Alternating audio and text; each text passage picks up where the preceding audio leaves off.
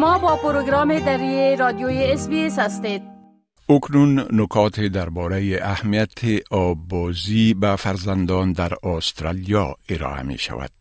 اطفال زیر پنج سال بیشتر در معرض خطر غرق شدن قرار دارند و حوادث شنا و آببازی سالانه طور اوسط 23 مورد مرگ و 183 مورد بستری شدن در شفاخانه ها را در سراسر استرالیا باعث می شود. کمک به فرزندتان برای تبدیل شدن به یک شناگر مسئول یک امر حیاتی است به خصوص در حالی که در جای زندگی می کنید که در آن انجام فعالیت های آبی عمومیت دارند در استرالیا گزینه های برای رشد مهارت های مورد نیاز برای اطفال صرف نظر از سن یا تجربه قبلیشان وجود دارند. بودن و بازی کردن در دوروبر آب چی در ساحل باشد یا در یک دریا یا یک دریاچه یا در حوض محلیتان بخش جدایی ناپذیر بزرگ شدن در استرالیا است. متاسفانه غرق شدن اطفال هر سال اتفاق می افتد.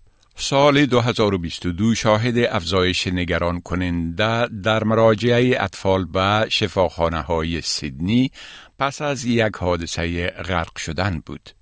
این امر باعث هشدار مجدد از جانب کارشناسان شبکه شفاخانه های اطفال سیدنی و امبولانس نیو ساوت ویلز شد.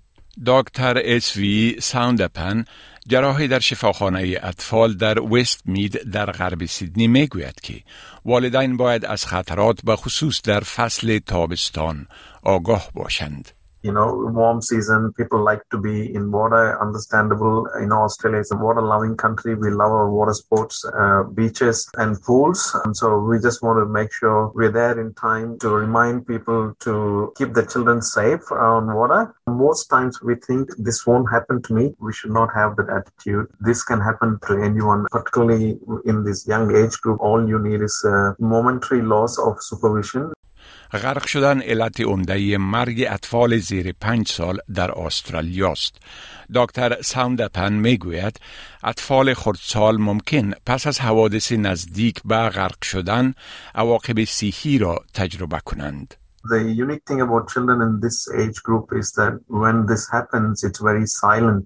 You know, they just go underwater silently. There's no splashing, which is why it's very, very important to be aware of this and keep an eye on your children when they are in water. We obviously know if you're there underwater for three minutes or longer, you're likely to have significant neurological damage. But even a short period can have an effect on the learning abilities of a child. ستیسی پیجن مدیر ملی تحقیقات و سیاست در Royal Life Saving است.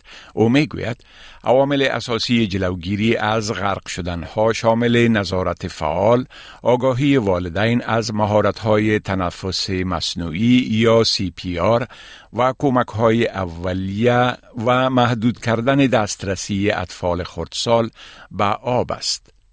خانم پیجن توضیح می دهد که مهارت های آشنایی با آب و معلومات در مورد مسئولیت آب باید بخش ضروری آموزش شنا برای همه دسته های سنی باشد.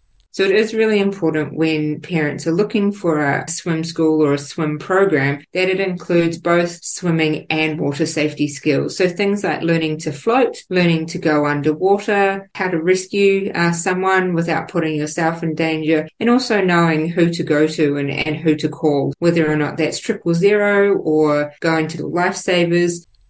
نهاد ملی شنا و مسئولیت آب فهرست جامعه از مهارت‌های را که اطفال باید با توجه به سنشان فراگیرند فراهم می کند.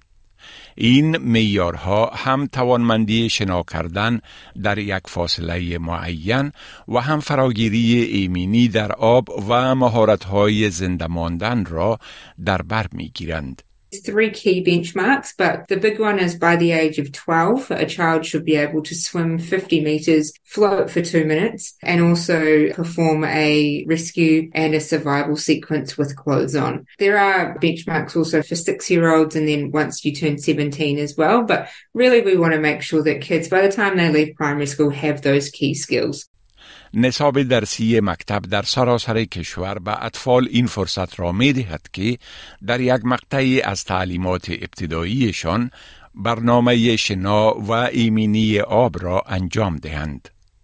اما به گفته برندن وارد مدیر عامل انجمن مربیان و معلمان شنای استرالیا اطفال می توانند بسیار زودتر آشنایی با آب را آغاز کنند Water familiarisation can start from as young as six months old. In fact, many swim schools are starting even earlier than that. And that's about getting the children comfortable in the water and getting them to a stage when they get those foundation skills they're ready to learn. So from about three to four years of age is a really great time when kids are starting to really build those foundation skills around water safety and learning to swim and floating and those sorts of things. آقای وارد میگوید والدین نقش فعالی در کمک به فرزندانشان دارند تا شناگران مسئول شوند.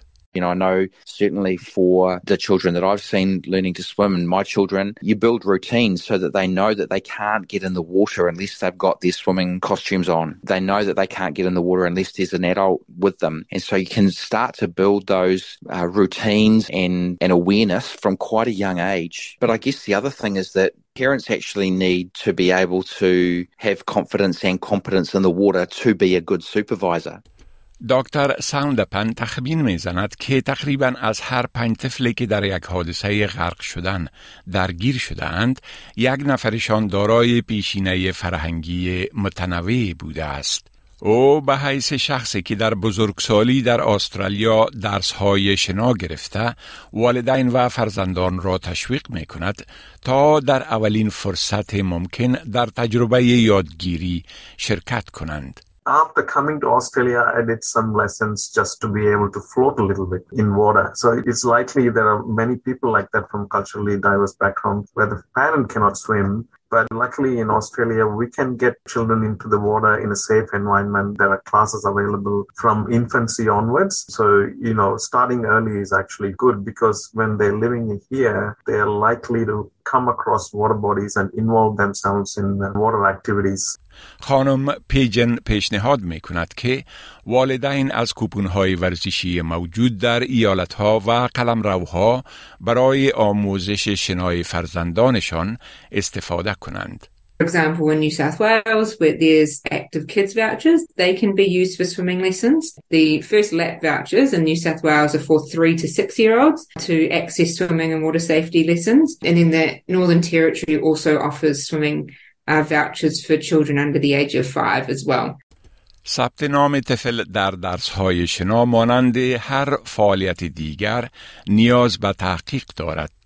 آقای وارد توصیه های را در مورد میارهای کلیدی که باید جستجو کنید فراهم کرده و می گوید که باید یقین حاصل کنید که مکتب آموزش شنا معلمین شایسته و تعلیم دیده داشته و از شهرت خوب برخوردار باشد. Certainly be looking to make sure that the swim school has got qualified teachers, make sure that those teachers have got a reputable accreditation. And that could be Royal Life Saving Society, Oswim, Swim Australia. There are a number of different providers of those qualifications. And I think the other thing to look for is does it suit your values? Does the swim school present itself well? Does it look clean and tidy? A number of swim schools have got testimonials on their websites. There's lots of things to look for, but yeah, I'd say probably the qualified teachers is the main thing.